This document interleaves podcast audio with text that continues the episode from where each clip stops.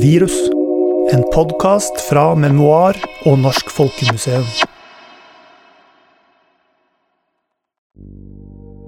Altså, verden vi lever i er så kompleks, og økonomien er ikke bare penger, det er livene våre. Jeg ville bare spille greia mi, og så, så var det det, på en måte. I'm not doing art only for myself in, with closed eyes. No, it's about co communicating.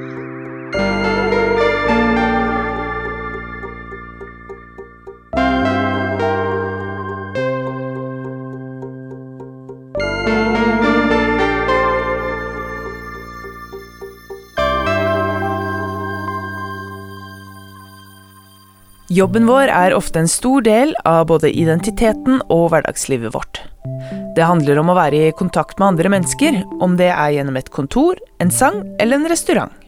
Det er viktig for oss mennesker å oppleve ting sammen, her og nå, og det er faktisk ikke mulig for alle yrker å digitaliseres eller utføres på et hjemmekontor. I denne episoden sjekker vi derfor inn med sykehusklovner, vinbareiere og musikere for å høre hvordan livene deres har endret seg. Hvordan har det vært for dem å miste arbeidet? På hvilke måter er jobben deres blitt forandra? Og hvordan tror de at de kommer til å jobbe i fremtiden?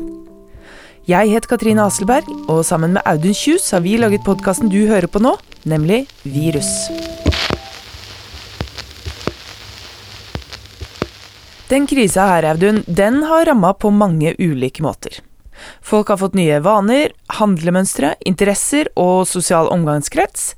Men det faktum at så mange av oss har mista jobben eller blitt permittert, det har kanskje vært en av de største endringene i folks liv. Ja, og vi vet jo at jobben betyr veldig mye for mennesker. Og det å gå arbeidsledig er noe helt annet enn det å ha ferie. På jobben så er jo ofte andre mennesker avhengig av at du er der og gjør en god innsats, og da blir du jo samtidig en del av noe som er større enn deg selv. Ja, og i tillegg så har jo også jobbdagen endra seg for alle de som har måttet flytte arbeidet sitt til hjemmekontoret. Dagene flyr kanskje litt mer i ett, og man veit ikke helt hvor lenge man har jobba, eller når man sist hadde fri. Det er jo ikke for alle at det blir en sånn kjempeovergang, for det er jo mange som er vant til å jobbe mye selvstendig og alene også. Altså, jeg er jo for eksempel det, og det å måtte styre tida sjøl er ikke noe stor endring for meg, men jeg må si jeg blir fysisk dårlig av alle disse her nettmøtene, altså. Hvis jeg har to, tre to timers nettmøter etter hverandre, så er jeg helt ubrukelig etterpå. Så kan jeg også få litt følelsen at eh, kanskje, kanskje andre på arbeidsplassen glemmer at jeg er der, og at de liksom ikke trekker inn meg i tankeganger og prosesser og sånn. Så jeg tenker jeg må jobbe litt ekstra for å holde kontakt da med kollegene. Men den største endringa er jo helt klart for de som har mista jobben. Eh, og der har jo du snakka med en som heter Lise Aanes. Hun eh, jobbet i en vinbar i Oslo før pandemien kom. Og så ble hun satt i karantene den 12. mars fordi hun kom hjem fra England, der hun hadde vært på vinmesse. Ja, så samtidig så stengte den vinbaren der hun var daglig leder, og Lise hun ble permittert, og den vinbaren den åpna aldri opp igjen. Så mens Lise satt i karantene i en knøttliten leilighet, da jobbet samboeren hennes doble skift for å prøve å redde den baren som han var med på å drive. Jeg er sånn person som ikke helt klarer å eh, bare ha en jobb, så det blir bestandig liksom hele livet mitt. Eh, og det var den baren jeg var med på oppstarten og bygde den opp. Og føler at det ble et veldig spesielt sted for de som var der. Ja, som jeg fikk bekrefta etter hvert, siden vi stengte. Um, og ja, det var superfint. Det er liksom Jeg føler ikke at det er så mange sånne plasser i Oslo. Jeg sleit jo veldig med å bare skulle Altså sånn, Jeg har noen kompiser som også ble permittert fra barindustrien. Hvis han annonserer, så vet han hvem han er. og han bare ah, OK. Uh, kjøpte seg noen PlayStation-spill uh, via post og bare spilte og sto opp på morgenen og uh, røykte en joint og spilte spill hver dag og syntes det var helt topp. Men jeg klarte ikke å slappe av, så jeg laga meg arbeid. Så jeg har holdt på å studere fransk i noen år for å bruke i jeg jobber jo med vin, så det er veldig praktisk, så jeg bare kasta meg inn i franskstudiene. Og så begynte jeg å gjøre yoga med sånn livestreaming på nett. Og prøvde å lage meg en sånn plan hver dag for ting jeg skulle gjøre. da. En slags arbeidsoppgave. Jeg vaska selvfølgelig rundt huset veldig mange ganger. og rydda i boden og sånn. Eh, bestilte ting fra Ikea. Ja, vi gjorde ganske mye arbeid hjemme, da. Eh, så ja, jeg klarte liksom ikke å slappe av noe særlig. Det er jo veldig vanskelig fordi det er veldig lett å si sånn Å, men vi kan ikke sette en pris på et menneskelig, for vi må bare stenge ned økonomien. Men livene våre er så sammensatt. altså Verden vi lever i, er så kompleks. Og økonomien er ikke bare penger, det er livene våre. Og, og, og skole og barnehage og idrett og alle de tingene er så utrolig viktige. Så det at nedstenginga var så eh, brutal, og også spesielt i Oslo kommune, at de stoppet, da de stoppa skjenkebevillinga for bare restauranter, at de da kunne kanskje ha letta på at man kunne hatt en ordning der bare restauranter som selger alkohol, kanskje kan selge vin til, som Vinmonopolet gjør, og ta se vinmonopol, altså bare selge det for markedspris. Sånn at sånn, jeg som drev en vinbar, vi kunne jo ikke gjøre noe. Vi var bare nødt til å stenge. Um, så jeg føler at kanskje det var noen ting som ikke ga helt mening. Um, og igjen sånn ting med at kjæresten min kunne gå på jobb og servere folk mat, og så komme hjem til meg som ikke engang kunne gå på butikken. Det gir jo Det føles som om det var veldig sånn Å, vi må gjøre tiltak! Se, vi gjør noe! Men det gir ikke mening, men vi gjør det likevel. Men igjen, altså det var en ekstremt forvirrende situasjon for alle, sikkert, inkludert alle politikerne våre. Lise fortalte jo i tillegg at hun etter hvert begynte å bruke mye av tiden sin på å skrive, en interesse som hun har hatt hele livet også, da, men som hun nå endelig har fått satt av litt mer tid til. Og hun fikk solgt flere artikler, faktisk. Ja, og Lise hun mista jo jobben fordi at barn hun drev måtte stenge, men en annen gruppe som har fått det vanskelig, er jo de som bor i andre land, men jobber i Norge. Ja, Efraim Stein, han for eksempel, han er fra Nederland. Men de siste åra har han reist åtte-ni ganger i året til Norge for å jobbe som sykehusklovn. Ja, for de som ikke vet det, så er sykehusklovner altså profesjonelt utdanna skuespillere. Og de kan jobbe både med eldre demente og med barn som er innlagt på sykehus. Klovnene kommer inn i en hverdag som er full av prøver og medisiner, og gir et friskt pust og et fokus på noe annet enn sykdom. Og han Efrem han har jo nå måttet være digital klovn istedenfor, noe som han syns fungerer overraskende bra, stemmer ikke det? Jo, han forteller om, om helt nye arbeidsmåter som uh, faktisk virker veldig bra, da. Både dette med hageklovning og robotklovning. Som sånn hageklovn så har han stått på en sånn, sånn lift utenfor sykehjemmet og gjort klovning for uh, eldre som da har stått bak vinduer og ute på terrasser og sett på.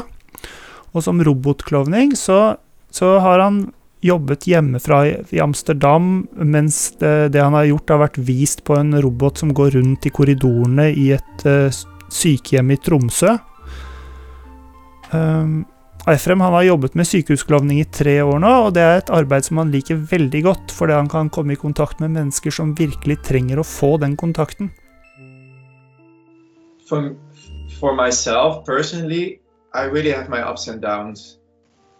And I I really have moments I feel really down, and that's really because of Corona, because uh, especially for me being an artist, it took so many years to get where I am now, because it's it sounds so bizarre if I tell people that I'm living in Amsterdam and I travel to Norway to work there because of the reason because I love the nature, I like the, the people. I have friends there.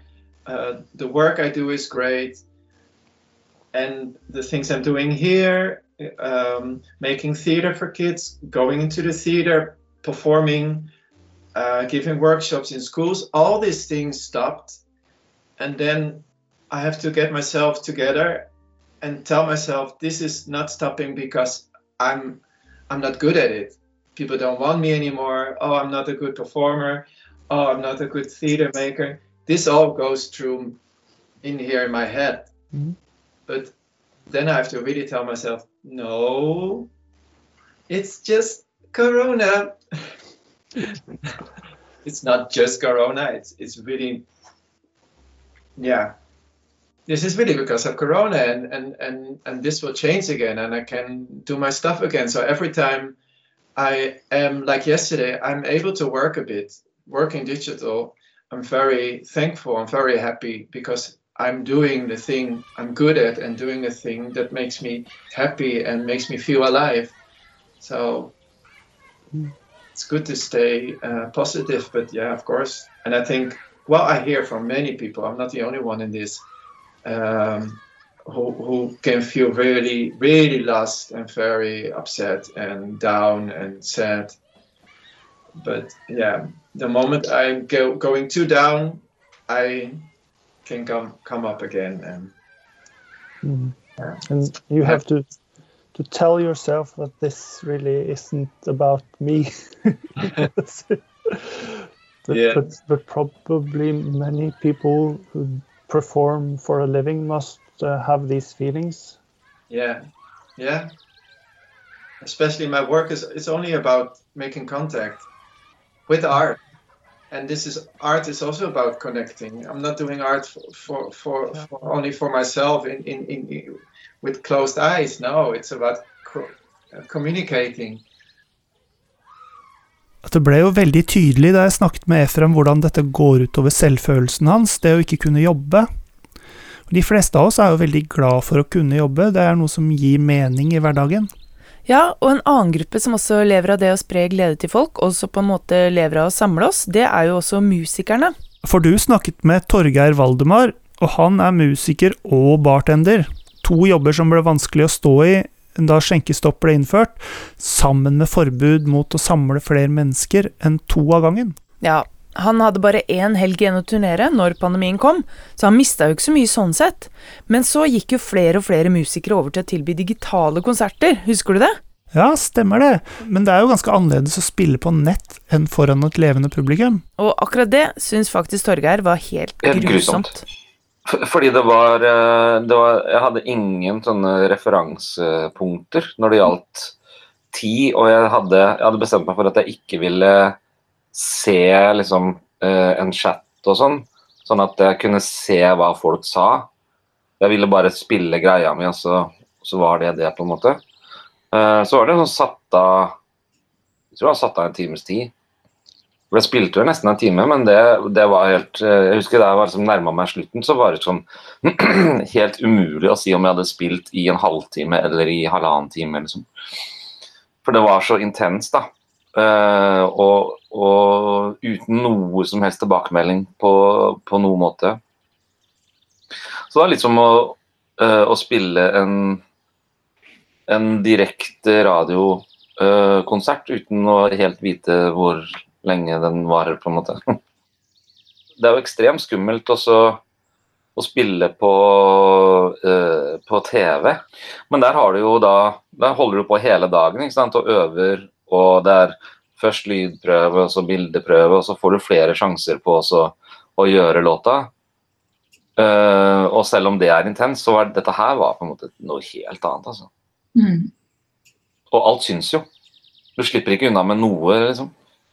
Nei, hva tenker er du? super, nei, altså Alle detaljer syns. altså Spiller du litt feil, så høres det veldig veldig mye bedre da, enn hvis du gjør det på en scene. Mm. Så det, det er jo ekstremt eh, brutalt. Disse digitale konsertene gjennomførte Torgeir tre stykker av, før det hele så ut til å dabbe av egentlig både for publikum og artistene. For det er ikke alle opplevelser som kan overføres digitalt uten at noe må ofres. Men det betydde at Torgeir, sånn som mange andre, fikk muligheten til å tenke litt mer på hva han egentlig har lyst til å holde på med, og dermed fikk han mulighet til å dyrke både nye og gamle interesser. Jeg tror det kan være sånn for ganske mange at man har på en måte skifta litt sånn Man har fått tid til å gjøre en del ting som man ikke har hatt tid til før. Fordi tid er jo alt man har hatt. Uh, med hjemmeaktiviteter og Folk baker jo brød til altså, helt, helt ville mengder, ikke sant. Surdeig og opplegg. Det er jo helt strålende. Det er kjempefint. Uh, og at man har da hatt hjemmekontor og hjemmeskole, kanskje. og sånn, Selvfølgelig er jo det slitsomt, men, men det er jo, man er jo sammen også som familie på en helt annen måte. da. Altså, nå har ikke jeg barn, uh, men jeg har jo samboer, og, og vi har jo gått oppå hverandre i, i et år nå. Uh, Og har jo selvfølgelig gjort ting sammen som det var mindre mulighet for å gjøre før. liksom. Så jeg tror det har vært en sånn en bra, en bra sånn eh, katalysator til å, til å få vekk en del sånn slagg i huet, eh, som man ser litt eh, hvilke verdier man faktisk vil, eh, vil ha i livet. da. Mm. Og sånn virker det som det er for en del folk, syns jeg. Eh, jeg har jo vært sykkelinteressert i mange år, men, eh, men eh, har jo aldri hatt tid til å sykle så mye som man vil. For sykling tar jo så lang tid. Eh, men er det noe som jeg har hatt eh, nok av gjennom det året her, så er det jo tid. Så jeg har jo aldri fått sykla så mye som nå, og det har vært helt fantastisk. Ja. Terrengsykling, eller? Ja, jeg sykler ikke så mye sånn teknisk terreng, men jeg sykler en del i marka og sånn. Men, men mest på landeveien, da. Så da har jeg, jeg har sånn alter ego som kler seg opp i full sykkelmundur og dundrer av gårde på karbonsykkel. Og på toppen av dette så har Torgeir opparbeidet seg masse ny kunnskap om studiolyd, så nå har han i grunn flere bein å stå på når det kan åpne igjen. Og dette har vi jo sett hos mange, egentlig, at de har brukt tida godt. Ja, Efrem har jo begynt å klovne over nettet. Han er i Amsterdam og klovner for sykehjemsbeboere i Tromsø. Lise tjener penger på å skrive om vin, i tillegg til å servere vin. Torgeir har blitt flinkere til å produsere musikk i studio, og samtidig blitt en racer på sykkel. Men i neste episode så skal vi høre om en yrkesgruppe der de gjør jobben med ganske strenge rammer, og de kan ikke bare finne på nye arbeidsmåter selv. Og ikke bare det, men er det noen som har blitt ramma av reiseforbud, så er det jo nettopp de som har sittet fast på andre sida av jordkloden og ikke kommet seg hjem. For da skal vi høre om hvordan pandemien har vært for de som er sjøfolk på norske skip. Eh, Jeg tror ikke det var ei sjel på kommunen som satt med, med sin håndtering som tenkte på at kanskje tiltakene våre påvirker at eh, innbyggerne som bor på øyene faktisk eh, kan stå uten ferjer. Men det var ingen som huska på sjøfolk. Men de hadde huska det hvis ferja lå stilt. Da hadde det blitt krise. Det var det vi hadde for denne gang, men i kampen med de store mediehusene så håper vi du kan anbefale oss til en venn eller to. Del gjerne en lenke, eller gi oss en rating i podkastspilleren din dersom det er mulig. Og husk at hvis du vil høre mer fra intervjuene, så kan du gå inn på minner.no, hvor vi har samla alle intervjuene som er brukt i hver episode, på en egen side. Og hvis du vil dele din egen historie, så er det bare å ta kontakt på samme sted. Musikken du har hørt gjennom hele episoden, er spesialkomponert av Therese Aune. Hvis du vil høre mer av henne, så kan du finne henne både på Spotify og andre strømmetjenester, eller på thereseaune.com. Vi må få lov til å takke Sparebankstiftelsen DNB, Fritt Ord og Bergesundstiftelsen for at de tror på oss nok til å gjøre podkastserien mulig, også økonomisk. Jeg heter Katrine Hasselberg, min medprogramleder er Audun Kjus, og vi ønsker å takke deg for at du hører på.